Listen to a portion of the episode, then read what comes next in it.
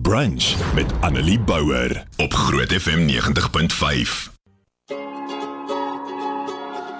Vanoggend gaan ons so 'n bietjie oor 'n ernstiger ding gesels, nie dat een van die ander goed nie ernstig was nie, maar iets wat ons nie noodwendig verstaan nie en iets wat ons nie noodwendig antwoorde op het nie en iets wat mense nie van hou om oor te praat nie, juis omdat ons nie altyd die antwoorde het nie. Ons gaan praat oor swaar kry en seer kry in hierdie gebroke wêreld waarin ons lewe. En ons weet dat dit gebeur. Daar's so baie slegte dinge om ons, nie net in ons land nie, maar in die wêreld wat aan die gang is, goeders waaroor 'n mens bekommerd is, dinge wat in jou eie persoonlike lewe gebeur, of dit nou fisies is en of dit ehm um, is tussen verhoudings tussen 'n man en 'n vrou. Daar's slegte goed wat gebeur. Ek wil nie nou goed opnoem mense gaan dood, mense kry seer en daar is hierdie goeders wat mense dan gereeld vra, hoekom gebeur slegte goed met goeie mense?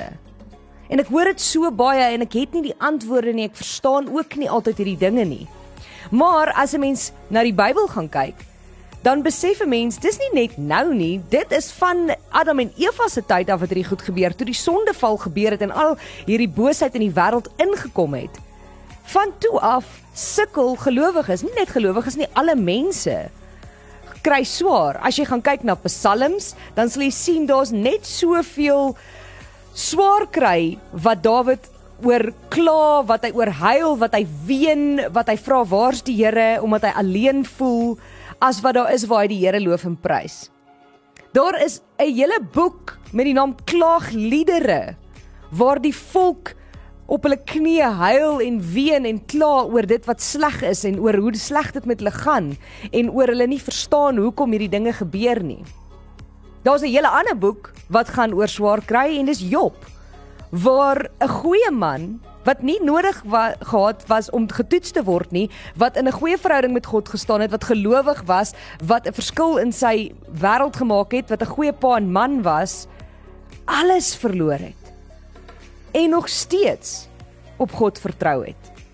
En waar mense later vir hom kan sê, "Hoe hoe hoe doen jy dit? Hoe hoe kan jy nog glo as dit so sleg met jou gaan?" En dan is daar verse soos Jesaja 43 waar God sê jy is myne. Hy sê luister so sê die Here wat jou geskep het, Jakob wat jou gevorm het, Israel, moenie bang wees nie, ek verlos jou. Ek het jou op jou naam geroep. Jy is myne. As jy deur water moet gaan, is ek by jou. Hy sê nie ek haal jou uit die water uit nie. Hy sê ek is by jou. Deur riviere, hulle sal jou nie wegspoel nie. As jy deur vuur moet gaan, sal dit jou nie skroei nie. Dit sê God sê nêrens ek gaan jou uit daai vuur uithaal nie of dat die vuur nooit gaan kom nie. Hy sê net dit sal jou nie skroei nie en die vlamme sal jou nie brand nie. Met ander woorde, jy sal nie heeltemal vergaan nie. Dit beteken nie mense gaan nie dood nie. Dit beteken nie mense kry nie seer nie. Maar God is daar by jou. Hy sê want ek is die Here jou God, die Heilige van Israel, jou redder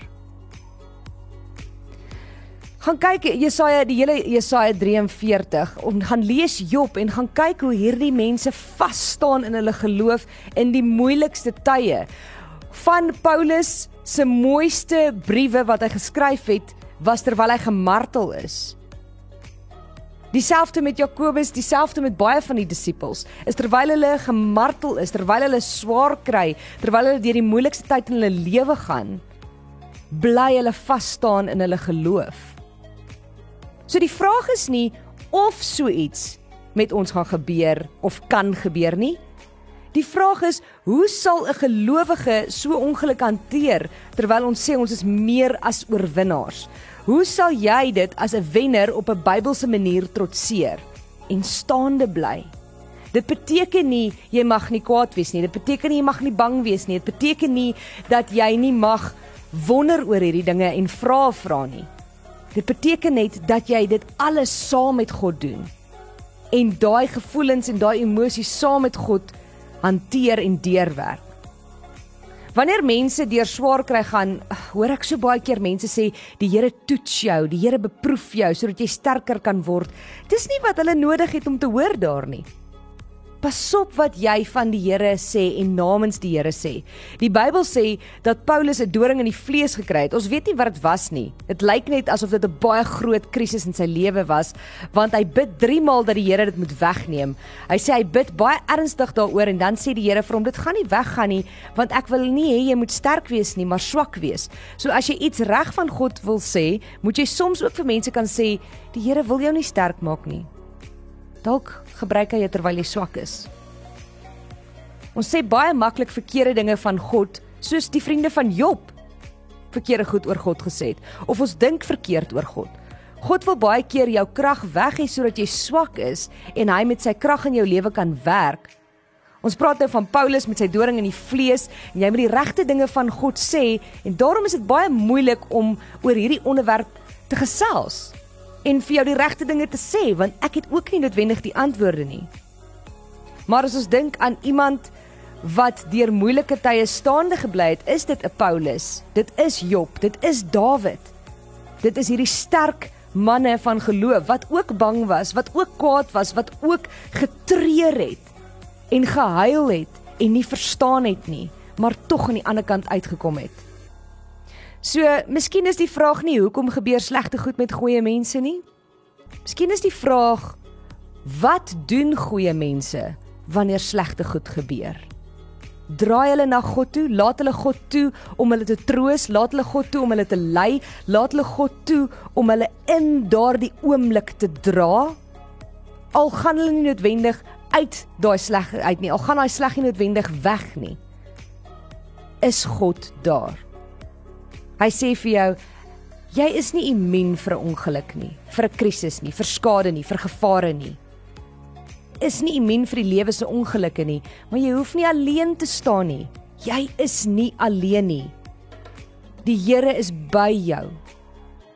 Die Here is by my. En hy stap hierdie pad saam met jou. So dis dalk nie die antwoord wat jy wou hê nie. Maar weet jy? Ek hoop dit is die antwoord wat jou gaan vrede gee dat jy nie alleen is nie en dat jy deur hierdie seer kry en swaar kry God kan vertrou om jou hand vas te hou om jou te omvou met sy liefde en genade en vrede en om jou daardeur te dra. Annelie Bouwer weekoggend tussen 9 en 12 op Groot FM 90.5